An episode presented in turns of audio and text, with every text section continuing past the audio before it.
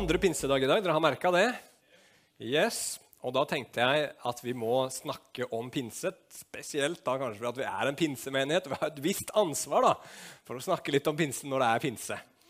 Så i dag så har jeg lyst til å ta dere med til den uh, velkjente pinsehistorien fra Apostlenes gjerninger, kapittel 2. Og så skal vi lese fra vers 1 til 12 sammen i Jesu navn. Apostlenes gjerninger 2, og så er det fra vers 1 til 12. Da pinsedagen kom, var alle samlet på ett sted. Plutselig lød det fra himmelen som når en kraftig vind blåser, og lyden fylte hele huset hvor de satt. Tunger som av ild viste seg for dem, delte seg og satte seg på hver enkelt av dem. Da ble de alle fylt av Den hellige ånd, og de begynte å tale på andre språk ettersom ånden ga dem å forkynne. I Jerusalem bodde det fromme jøder fra alle folkeslag under himmelen. En stor folkemengde stimlet sammen da de hørte denne lyden, og det ble stor forvirring, for hver enkelt hørte sitt eget morsmål bli talt. Forskrekket og forundret spurte de, er det ikke galileere alle disse som taler? Hvordan kan da hver enkelt av oss høre sitt eget morsmål? Vi er partere og meder og elamitter, folk som bor i Mesopotamia, Judea og Kappadokia, i Pontus og Asia, Frygia og Pamfylia, i Egypt og i Libya-området mot Kyrene og innflyttere fra Roma, jøder og proselytter, kretere og arabere, og vi hører dem tale om Guds storverk på våre egne tungemål. De visste ikke hva de skulle tro, og forvirret spurte de hverandre, hva er dette for noe? Ja, kjære himmelske Far, vi ber om at du skal åpenbare ordet for oss i dag. Her er åpenbar pinsefortellingen for oss, Gud. Dette er litt eh, Vant for noen kanskje, litt merkelig for andre, Herre. Men vi bare ber i Jesu navn om at du skal åpenbare i dag for oss hva Den hellige ånd er for noe, og hva Den hellige ånd gjør.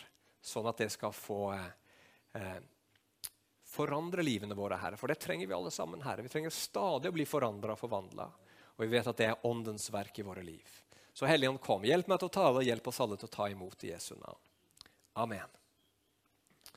Hva er dette for noe? Det er et veldig godt spørsmål. og Vi skal prøve å svare litt på det her i dag. Hva var det som skjedde på pinsedagen? Forhåpentligvis så skal det både bli bibelsk og inspirerende for dere som er her. Så Vi skal i dag se på jeg har som vanlig tre overskrifter. da. Vi skal se på Den hellige ånds natur, Den hellige ånds signatur og Den hellige ånds kultur. Jeg var litt fornøyd med de overskriftene. Egentlig så kunne jeg bare liksom, eh, sagt hva er Den hellige ånd? Hva gjør Den hellige ånd med individet, og hva gjør Den hellige ånd med fellesskap? For det er det jeg vil si noe om. Hvem er Den hellige ånd, og hva er det han gjør med oss som enkeltmennesker, og hva er det han gjør med oss som menighet? Så da begynner vi på det første punktet Den hellige ånds natur. Hva er det her for noe? Hva var det som skjedde på pinsedagen? Jo, svaret på det det gir Eh, Peter litt seinere i kapittel 2 av Apostlenes gjerninger. Han sier dette er det Gud lovte ved profeten Joels munn. Han lovte han skulle sende sin ånd over alt kjøtt. Og Det er også det som Jesus allerede hadde lovt i kapittel 1 og vers 5. For han sa at dere skal bli fylt, eller døpt, sier han faktisk, med Den hellige ånd ikke mange dager heretter. Så det er Den hellige ånd som kommer her, og det har vi lest, og det er tydelig. Og da er jo spørsmålet hva, eller hvem, kanskje er et bedre spørsmål, er Den hellige ånd? Vel, Når vi ser på den teksten her, så skjer det noe som er helt nytt på en måte, men samtidig noe som ikke er så veldig nytt. For Den hellige ånd han kommer ikke første gang i Bibelen på pinsedag. Han finner du langt, langt tilbake i Det gamle testamentet. Og når Den hellige ånd kommer over mennesker, så skjer det alltid minst én av to ting med de folkene. og det er at De begynner å handle, og de begynner å tale. Ånden kom over navn, og så står det, og han talte, eller han gjorde ditt eller datt. På morgenen i dag så nevnte jeg en som fikk Den hellige ånd over seg, så han kappa en okse opp i tolv biter og sendte dem utover. Eller på det var Gideon, kanskje, eller var det Saul var det noe som gjorde det, tror jeg. Jeg sjekker med Johannes her for å få bekrefta det. Det var Saul, var det ikke det? Nei, OK. Nei, Én gjorde det i hvert fall. Så sånn kan det gå med Den hellige ånd. Jeg tror ikke det er den helt vanligste måten å reagere når Den hellige ånd kommer hos. Men poenget er at man handler, og man begynner å tale når Den hellige ånd kommer. Og er det det som skjer her? Ja. De sitter innelåst. Den hellige ånd kommer. De går ut. De tier. Den hellige ånd kommer, og disse disiplene de begynner å tale. De taler i andre språk. Det er riktig, De taler ikke sitt eget morsmål. Det er Den hellige ånd som gir dem denne, denne, disse andre tungemålene å tale.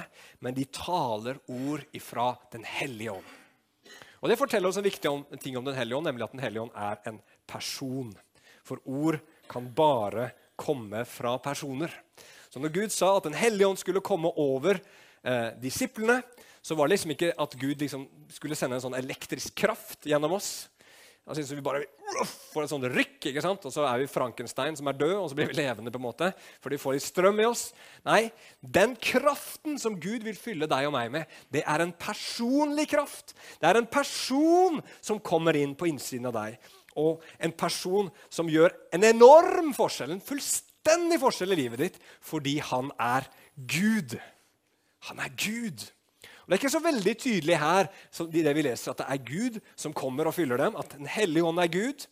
Det fins tydeligere steder i Bibelen som sier det. Men allikevel, i Det gamle testamentet, når Gud åpenbarte seg, om det var på Sinai-fjellet, i denne busken for Moses, om det var for Abraham, når Abraham hadde ofra eh, til Gud en del dyr, og, og, og, og han, eh, han, han, ser plutselig at, at, noe beveger seg mellom disse kjøttstykkene, eller om det var på, på, eh, på Sinai-fjellet, så åpenbarer Gud seg veldig ofte i ild. Så når det kommer ild her på pinsedagen, så er det et tydelig tegn på at her er det Gud som kommer. Og Prøv å tenke på det. Dette her er liksom ufattelig vanskelig å egentlig begripe. Og Hadde vi skjønt det, så hadde vi sikkert reagert mye mer enn det vi gjør. Men tenk da at på pinsedag så kommer Gud selv for å ta bolig inni disiplenes hjerter. For å ta bolig inni hver enkelt av oss. Og Det er noe fantastisk spesielt med det. I Det gamle testamentet så var det bare enkelte personer som ble fylt med Den hellige ånd. Det var kongen, og det var presten og profeten. Men allmennheten kunne ikke få den erfaringen. Men nå, i den nye pakt, i det som Jesus har gjort, så kan vi alle sammen få bli fylt med Den hellige ånd. Og vi kan alle sammen få Gud selv på innsiden. Han som har skapt himmel og jord. Han kommer, og så tar han bolig i ditt hjerte. Det er helt sprøtt. Det er helt sprøtt, men det er helt sant. Og det er det Bibelen forteller oss at skjedde i pinsen. Og Ikke bare er det utrolig, ikke bare er det vanskelig å forestille seg, men det sier noe enormt om hvor mye Gud elsker hvert enkelt menneske. Jeg vet ikke hvor mange som er så glade i deg at de holder ut og bor sammen med deg over tid vet, Når du har barn i hjemmet, så, så er, kommer det et tidspunkt i livet deres hvor de er glade liksom, for endelig å få flytte ut. Ikke sant? Det betyr ikke at de ikke er glad i deg. altså, ikke ta det på den måten. Men liksom, det, jo tettere vi kommer på mennesker, sant? jo mer mm, er det liksom slitsomt å være for tett på over tid. ikke sant? Nei, ingen hadde som merka det? Kona mi sier i hvert fall det om meg. Ok, jeg vet ikke, jeg. Men Gud, han elsker deg så mye at ikke bare er han villig til å komme og bo i hjertet ditt en liten stund, måneds tid eller et par år, men Jesus sier at når Den hellige ånd kommer, så kommer han for å bo der til evig tid. Wow. Det er et, en åpenbaring av Guds kjærlighet. Bare tenk gjennom det. Gud ønsker å ha fellesskap med deg, han ønsker å være nær deg for alltid. Det er fantastisk. Men det fins mer å si om Den hellige ånd. La oss si litt om hva Den hellige ånd kom for å gjøre. La oss si litt om Den hellige ånds signatur. Ok. Jeg vet ikke, eller jeg tror ikke, at den dagen som Den hellige ånd kom, pinsedagen, var tilfeldig valgt. Og jeg tror heller ikke at den måten som Den hellige ånd kom på, var tilfeldig valgt. Altså At det kom en kraftig vind, at det var ild, sånn som vi har vært inne på, eh, og at det var eh, ja, en del sånne manifestasjoner, ytre ting som skjedde. Jeg tror det fantes en betydning og en hensikt med den dagen og den måten å komme på. Og La oss se litt på det. For det første, Hva betyr pinse? Det må jo pinsevenner vite. Hva betyr pinse? Er det noen som vet det? Vi tar en sånn spørretime her. Hva betyr pinse? Arnold? Ja da, riktig svar. Det er kryss i boka, Arnold. Veldig bra. 50 betyr det. Det betyr 50. Hvorfor det? Jo, fordi at fra påske til pinse så er det 50 dager. Så da var det liksom, det var denne festen da som ble feira 50 dager etter påske. Og det var en innhøstningsfest opprinnelig, hvor de feira at de første fruktene, første grøden, kom inn i hus. Det vokste litt bedre i Israel enn det gjør her. Derfor så høsta de inn flere ganger i løpet av sesongen. Eh, og Den, den uh, høytiden da, den blir kalt i Det gamle testamentet for ukefestenes dag osv. Men på den tiden her, da, på apostlenes tid, så hadde den feiringen her gått fra å være først og fremst en sånn høsttakkefest til å bli en fest hvor man feira at Gud ga Moseloven på Sina i fjellet. Det var det jøder flest feira på pinsedagen på den tiden. Det er nettopp den historien som uh, vi var litt inne på i stad, hvor ikke bare det var ild, men hvor det var stormvær i form av lyn og torden, og hvor det var kraftige lyder, sånn som det var også på pinsedagen. Så dette her skjer på pinsedagen, den dagen de feira Sinai-pakten. og Derfor så tror jeg at det finnes en kobling mellom Sinai-pakten og pinsen. Og hva er det? Jo, hør på disse ordene som Jeremia skrev ca. 600 år tidligere. Der står det fra eh, vers 31 i kapittel 31. Se, dager skal komme, sier Herren, da jeg slutter en ny pakt med Israels hus og Judas hus. Ikke som den pakten jeg sluttet med fedrene deres den dagen jeg tok dem i hånden og førte dem ut av Egypt. Den pakten brøt de, enda jeg var deres herre, sier Herren. Men dette er pakten jeg vil slutte med Israels hus i dager som kommer, sier Herren. Jeg vil legge min lov i deres sinn og skriver den i deres hjerte. Jeg skal være deres Gud, og de skal være mitt folk. Da skal ingen lenger undervise sin neste og sin bror og si 'Kjenn Herren', for de skal alle kjenne meg, både små og store, sier Herren, for jeg vil tilgi skylden deres og ikke lenger huske skylden. Synden skulle det være. Sinai-pakten, for de av dere som har lest Det gamle testamentet, så var det en fiasko. Det var ikke en fiasko pga. Gud, men det var en fiasko pga. Israelsfolket som ikke klarte å holde Guds bud, og som ikke klarte å holde seg unna de falske gudene som de hele veien løp til og, og, og, og begynte å ofre til og tilbe. Men så sier Gud at det skal komme en ny pakt en dag. En ny pakt hvor synden skal bli sletta ut. Hvor alle sammen skal kjenne Gud personlig, og hvor Guds lov, den som tidligere sto på steintavler, nå skal bli skrevet på menneskers hjerter. Hva i all verden er det? Hva slags pakt er det snakk om? Jo, det er jo snakk om den pakten Jesus oppretta i påsken. Men den fyllbyrdes på mange måter i pinsen. La oss tenke litt på det. Hvorfor døde Jesus? Jo, Bibelen sier du med aller største tydelighet at Jesus døde for at vi som var syndere, skulle bli tilgitt og rettferdige for Gud. Det er ingen tvil om det. Men det er jo sånn for oss alle sammen som sitter her og tror på disse tingene, at det veldig lett blir teori for oss. ikke sant? Vi tror at Jesus døde for våre syndere. Vi tror at liksom, vi har blitt Guds barn. Og, uh, og vi har fått evig liv. Og, det var jo fint, alt det der, men du aner ikke hva slags problemer jeg har. Ikke sant? Åh, Nå er barna vriene og vanskelig igjen, og bilen funker ikke som den skal. og Problemet med varmepumpa. ikke sant? Åh, det er livet helt forferdelig. Ja, ja, ja, jeg har et evig liv i himmelen osv. Men ser du ikke det problemet her? Det er jo gigantisk. Er det noen som kjenner seg igjen at det kan være sånn noen ganger? Vondt i tåa? Hæ?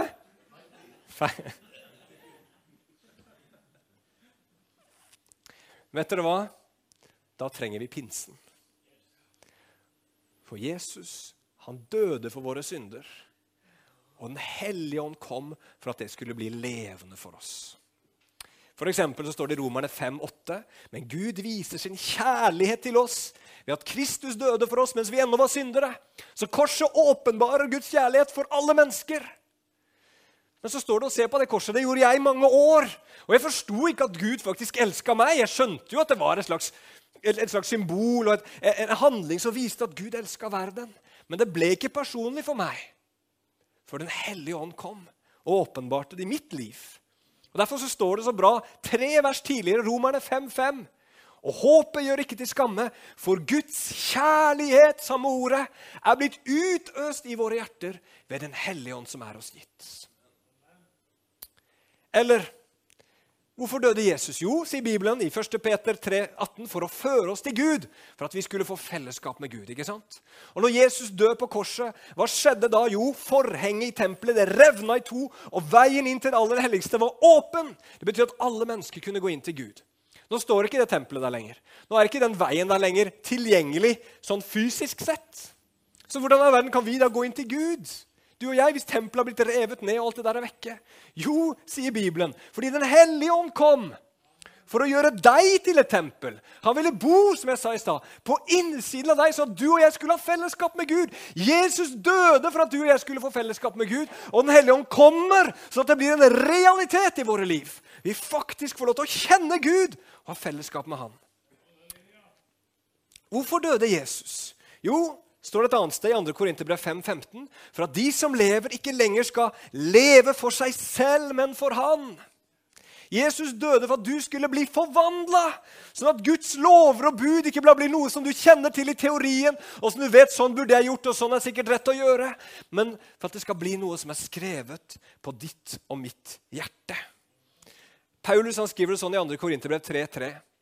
Det er tydelig at dere er Kristi brev, som er blitt til ved vår tjeneste. Ikke skrevet med blekk, men med den levende Guds ånd. Ikke på steintavler, men på hjertets egne tavler. Hva skjer når du blir en kristen?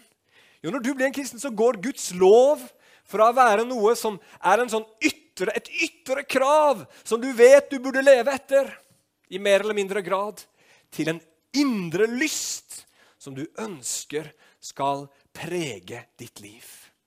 En kristen gjør, er, er ikke en person som aldri gjør feil. En kristen er ikke en person som aldri bryter Guds lov. Det har alle sammen her gjort antageligvis en uka som gikk. Men en kristen, når han eller hun bryter Guds lov, så sier han eller hun, 'Å, Gud, det var jo ikke det jeg ville gjøre.' 'Det er jo ikke sånn jeg ønsker å leve.' 'Tilgi meg, Gud. Tilgi min synd. Rens meg og hjelp meg til å leve sånn som jeg egentlig vil. Jesus døde for å gjøre det mulig. Den hellige ånd kommer inn i ditt hjerte. Og så skriver han Guds lov, skriver Guds signatur på ditt hjerte, sånn at du blir et nytt menneske. Og jeg tenker dette her er fantastisk. Og dette her er liksom på mange måter det mest utrolige med pinsen. For Når vi hører liksom Apostelens gjerninger 1,8, og dere skal få kraft i det Den hellige ånd kommer over dere, og dere skal være mine vitner, så, så, blir vi litt Jeg er i hvert sånn at Å ja, kult! liksom, Mirakler og tungetale og eh, eh, Gå på vannet, kanskje, eller et eller annet sånt. Og det er klart, Gud han, han gjør jo sånne mirakler. Og han bruker kristne til sånne ting. Og det er jo fantastisk, og det er bra. Men som jeg sa i dag morges, det er på en måte sånne ting som Gud gjør med lillefingeren. Det virkelig store miraklet. Er Han kan ta en person som meg som tror at hele verden egentlig bare skulle rotert rundt meg. Som tror at jeg er verdens sentrum. I hvert fall så oppfører jeg meg sånn mange ganger. Så kan han ta et menneske sånn som meg, og så kan han snu opp ned på hele min virkelighet og gjøre meg til et menneske som begynner å elske Gud og elske min neste.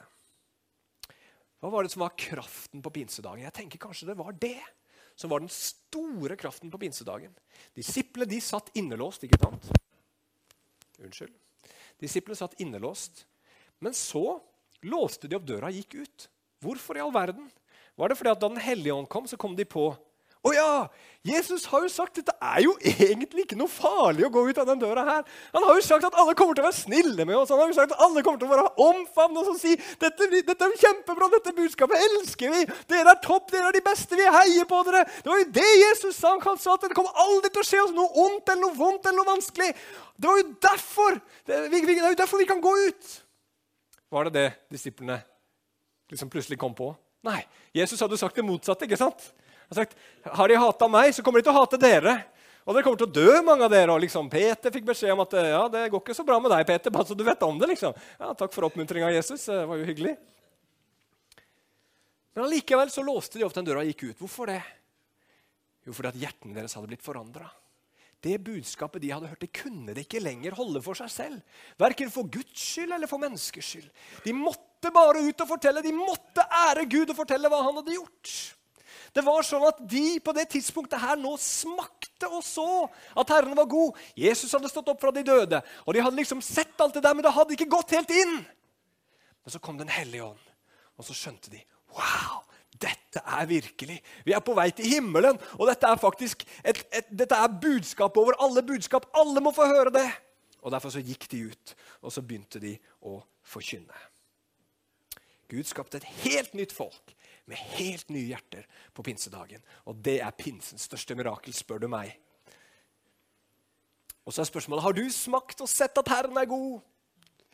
Har du fått erfare at kristendom går fra å være teori til å bli virkelighet? Har du fått erfare at Guds kjærlighet går fra noe annet å være, fra, fra å være teori til å forvandle livet ditt? Har du erfart at du er en synder uten håp, uten framtid? Har du erfart det? At du er fortapt? Og så har du sett Jesus som din frelser. Så har du sett Guds nåde. Har du erfart det? Hvis ikke, så be Den hellige ånd komme inn.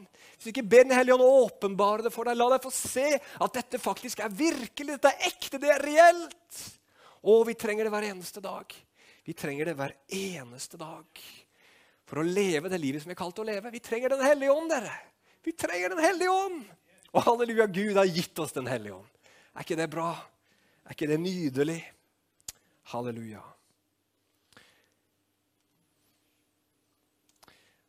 Da fører det meg videre til det siste punktet mitt. Den hellige ånds kultur. Hvis du er en ivrig bibelleser, så vet du at noen ganger når du leser spesielt i Det gamle testamentet, så kommer du til noen steder i Bibelen hvor det er litt vanskelig å komme videre. Og Det er når man kommer til disse berømte etterlistene. Ikke sant? Det er bare liksom navn på navn på navn på navn på navn på navn på navn på navn på navn på navn på navn på navn på navn på navn på navn. Jeg har aldri hørt noen av navnene før engang. Hvem er det jeg snakker om her? Jeg har prøvd noen ganger å følge etterlistene. jeg detter litt ut noen ganger. Hvor kom han fra? Hvem er han sønnen til? Nei, han kommer plutselig her. Skjønner ingenting. Men ok. Men det var en liten digresjon. Men når vi leste det vi nettopp leste nå, så kom vi til kanskje ikke akkurat en etterliste, men i fall en fryktelig lang liste med navn på land Merka det når jeg leste? Skikkelig sånn tungegymnastikk. Uh, altså partere og elamitter og jeg vet ikke hva det sto for noe der. Hvorfor i all verden gjør Lukas det? Altså, Blekk var sikkert dyrt, og du hadde begrensa med plass. Hvorfor i all verden skulle han liksom nevne opp alle disse navnene? For kunne ikke bare si enkelt og greit, da, ett vers. Mennesker fra hele verden var der. Det er mye enklere for oss òg. Men så må han liksom nevne alle disse her forskjellige verdensdelene som disse menneskene kommer fra. Hvorfor gjør han det? Vel, det er jo ikke garantert sikkert at det er sånn, men en del som mener at kanskje han gjør det for han vil at vi skal tenke på en helt spesiell historie fra Det gamle testamentet, som også er omgitt av sånne lister over navn på nasjoner. Og hvilken historie er det? Jo, det er historien om tårnet i Babel. For den Historien den foregår på et tidspunkt da alle mennesker har det samme språket, sier Bibelen. Og så blir de da enige om å bygge dette tårnet som skal nå like opp til himmelen, fordi de vil lage et navn for seg selv. Ikke sant? Og det er jo selvopphøyelse. Og så står det at Gud han stiger ned, og så forvirrer han språkene deres, sånn at de ikke kan forstå hverandre, og så blir de spredt omkring. Det er historien om Babel. Men her tenker jeg at på pinsedagen så har vi et omvendt Babel. Gud han stiger ned igjen og så gir han forskjellige språk, men ikke for å skape forvirring, men for at de skal forstå. Ikke for å splitte, men for å skape enhet på tvers av alle nasjoner og kulturer. Og hele målet med det er en enhet som ikke gir mennesker et navn, men som opphøyer Guds og Jesu navn. Halleluja. Den hellige ånds kultur som kommer på pinsedagen, er en enhetens kultur. Og vi menigheter, vi trenger enhet. Hva slags enhet da? Hva slags enhet er det Bibelen snakker om? Jo, veldig ofte snakker den om åndens enhet. Har dere lest det i Bibelen? Åndens enhet. Og hvordan får man åndens enhet? Jo, jeg tenker det at Når Den hellige ånd kommer inn i våre hjerter, så begynner han å få oss til å lengte etter å kjenne Gud mer etter at Gud skal prege livene våre mer. Etter at, at vi skal eh, søke nærmere Gud. Og hva skjer når en forsamling, en gruppe mennesker, alle sammen søker sammen mot samme punkt? Da bryter man koronareglene, kan man si. For da kommer man tett på hverandre. Ikke sant? Hvis jeg, sa til alle sammen 'kom nærmere meg', så ville alle sammen kommet nærmere hverandre også. Og Hvis det er sånn at vi som menighet ved Den hellige ånd søker nærmere Jesus, så vil vi også komme nærmere hverandre. Vi begynner å bli mer prega de samme tingene, tenke de samme tingene, lengte etter og leve på samme måten. Og så begynner vi å merke at vårt hjerte banker mer og mer i takt ettersom Den hellige ånd drar oss nærmere Jesus. Og så tenker jeg kanskje på et enda dypere nivå så skaper Den hellige ånd enhet. Ved at Ånden lærer oss hva sann kjærlighet er for noe. Hvordan kan man uttrykke sann kjærlighet i bibelsk forstand? Jo, den kan uttrykkes i korset. Og korset kan uttrykkes med en enkel setning. Og den setningen er følgende. Mitt liv for ditt liv. Når Jesus hang på korset, hva sier han der når han strekker ut sine hender og lider og blør som et soneoffer for våre synder? Jo, han uttrykker en kjærlighet hvor han sier, 'Mitt liv for ditt liv. Jeg gir mitt liv sånn at du ikke skal dø.' 'Jeg gir meg selv til å dømmes, så du ikke skal bli dømt.' 'Jeg går inn og tar straffen for at du skal bli frikjent.' Mitt liv for ditt liv. Men egoismen hvordan kan vi beskrive den? Jo, den er ditt liv for mitt liv. Det er du som må forandre deg. Det er du som må gjøre sånn. Det er du som må gi det for at jeg skal få. Hvis ikke du gjør sånn og sånn, så kan ikke jeg bli lykkelig. Hvis ikke du eh, liksom tar hensyn til meg, eller hva det skulle være, så kan ikke mitt liv bli bra. Da er vi helt på hodet av hva kjærlighet er. Da sier vi 'ditt liv for mitt liv'. Men når Den hellige hånd kommer inn, så kommer Guds kjærlighet inn på en sånn måte at du og jeg er i stand til å si 'mitt liv for ditt liv'. Tenk hvordan våre ekteskap, våre familier ville sett ut hvis det prega oss. Hvis jeg tenkte hver eneste morgen når jeg sto opp og så min kone, og hun gjorde et eller annet jeg ikke ville hun skulle gjøre, eller altså, altså, en eller annen konflikt oppstår, at jeg da tenker mitt liv for ditt liv. Hva kan jeg gjøre her for å tjene? Hvordan kan jeg være den første til å be om tilgivelse? Hvordan kan jeg være den første til å ydmyke meg når vi har en konflikt? Er dere med? Hvordan kan det, bare tenk på alle nabokrangler som kunne vært unngått. Hvordan arbeidsplassene våre ville sett ut. Ja, hvordan hele samfunnet blitt forandra hvis menneskene levde på den måten. Mitt liv for ditt liv. Det er kjærligheten. Så leste vi også her at Ånden ga hver enkelt det de skulle tale. og Det minner meg bare så på det som står i 1. Korinterbrev, kapittel 12, hvor det står at Gud, Den hellige ånd, deler ut gaver til hver enkelt ettersom han selv vil. Vet du hva Bibelen sier? Alle får ikke de samme gavene. Noen får den gaven, noen får den gaven, noen får den gaven, noen får den gaven. Én får den gaven, én får den gaven. Hver enkelt får minst én gave men ingen får alle. Hvorfor det? Jo, sier Paulus i 1. Korinterbrev 12, fordi at vi skal være avhengige av hverandre. For at ingen skal være Supermann og si 'Jeg trenger ingen, for jeg har alle de åndelige gavene'. Jeg er den åndelige superhelten her. Bare følg meg, så skal dette gå bra. Liksom, pass dere. Stand back. Nei, det er sånn at vi alle sammen får forskjellige gaver, sånn at vi skal være avhengige av hverandre. Trenge hverandre. Og da blir det enhet. Halleluja. Så Den hellige ånd han virker enhet iblant oss. Og Det er fantastisk, og det er Den hellige ånds kultur som kommer på pinsedag. Så vi trenger virkelig Den hellige ånd. Vi trenger Den hellige ånd så desperat i våre egne liv, og vi trenger Den hellige ånd i fellesskapet. Så da er det jo viktig å stille spørsmål til slutt. Hvordan få Den hellige ånd? Hvordan får man Den hellige ånd? Og Da avslutter Peter sin tale ved å svare på det spørsmålet i Apostlenes gjerninger 2, 38. Han sier, 'Omvend dere, og enhver av dere lar seg døpe på Jesu Kristi navn til syndenes tilgivelse, og dere skal få Den hellige ånds gave.' Omvend dere og tro på evangeliet. Da får du Den hellige ånd.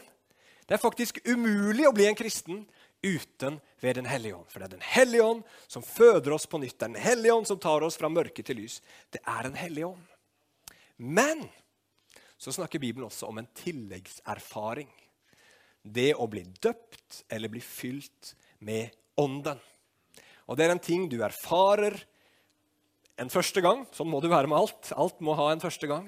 Men som Bibelen sier, du kan erfare om igjen og om igjen. og om igjen. Bli fylt med Ånden, sier Paulus i Efeserne kapittel 5. Så hvordan skjer det? Hvordan kan vi bli fylt med Ånden? Vel, Den hellige ånd som jeg sa innledningsvis, han er en person. Så Det er ikke noe sånn oppskrift. Det, liksom, det, det, går ikke med mennesker at bare du trykker på de knappene, liksom, så går alt sammen som det skal. Så, så gjør den personen det jeg vil. Det kaller vi for manipulasjon hvis du prøver deg på, prøver deg på det på et menneske. ikke sant? Og Vi kan ikke manipulere Den hellige ånd. Men Den hellige ånd han elsker å komme. Han elsker å komme i visse atmosfærer. Han elsker å komme der hvor mennesker er i bønn. Der elsker Den hellige ånd å komme. Den, elsker, den hellige ånd elsker å komme der hvor Jesus blir opphøyd. Og Den hellige ånd elsker å komme der hvor det er en lengsel etter Gud. Jeg gjorde min første erfaring med Den hellige ånd da jeg var 18 år gammel. Jeg var på en sånn eh, slags eh, sommerleir, campingplass, sammen med en del andre som snakka masse om Den hellige ånd. og de, de, var så opptatt av Den hellige ånd at det skapte et sug og en lengsel i meg også. Jeg tenkte å, dette her må jeg jo prøve å finne ut av. Og jeg stilte meg spørsmål, jeg prøvde å forstå dette her. og liksom kom ikke så veldig langt. Helt til en av de aller siste dagene hvor vi satt sammen og ba. Og Da tipper jeg at mitt hjerte var bare vidåpent. Så lengta så at Den hellige ånd Når noen ba for meg da, så bom! Så kom Den hellige ånd inn i livet mitt og fylte meg med en kraft og en kjærlighet som, som, eh, som forandra meg. Det fikk meg til å leve et annerledes liv etterpå det. Jeg var langt fra helliggjort og langt fra ferdig, men det skjedde noe. For det var Den hellige ånd, det var Gud selv som kom inn. Og det, hvis du ikke har erfart det ennå, så ønsker Gud at du skal erfare det. Og har du erfart det, så kan du få erfare det igjen og igjen, kontinuerlig. Hvordan da? Det er bare å søke. Det er å be. Det er å be i fellesskap, det er å be for hverandre. Det er å si 'Kom, Helligånd, kom og fyll meg akkurat nå'. Det kan skje når du sitter og leser Bibelen. Det kan komme overrumplende på deg et øyeblikk du ikke aner det. Så plutselig så kjenner du at ånden er der, og han vil fylle deg. Men poenget er at Den hellige ånd, han er her, og vi trenger han.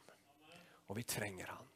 Vi trenger han for at det som Jesus har gjort for oss på korset, skal bli levende. Vi trenger han for at våre liv stadig vekk skal bli forandra og forvandla. Og Der Jesus blir løfta opp, der trives Den hellige ånd. Så da vil jeg bare stille det spørsmålet her til slutt. Vil du ha mer av Den hellige ånd i ditt liv? Vil du ha mer av Herrens ånd? Amen. Ja, du har fått Den hellige ånd, men vi kan stadig bli fylt. Vi kan stadig få påfyll. Vi kan stadig få mer. Halleluja. Søk de beste nådegavene, står det i Bibelen. Vi kan søke mer. Den hellige ånd er ikke ferdig med ditt liv. Den hellige ånd har ikke gitt deg alt han har å gi. Tenk på det. Å, halleluja. Det er kanskje noe som er veldig bra, som du har opplevd Den hellige ånd har gitt deg. Men det fins mer. Det fins mer. For Gud han er en rik Gud, og han er rik nok til alle de som kaller på han, står det i Bibelen. Halleluja. Skal vi ta oss og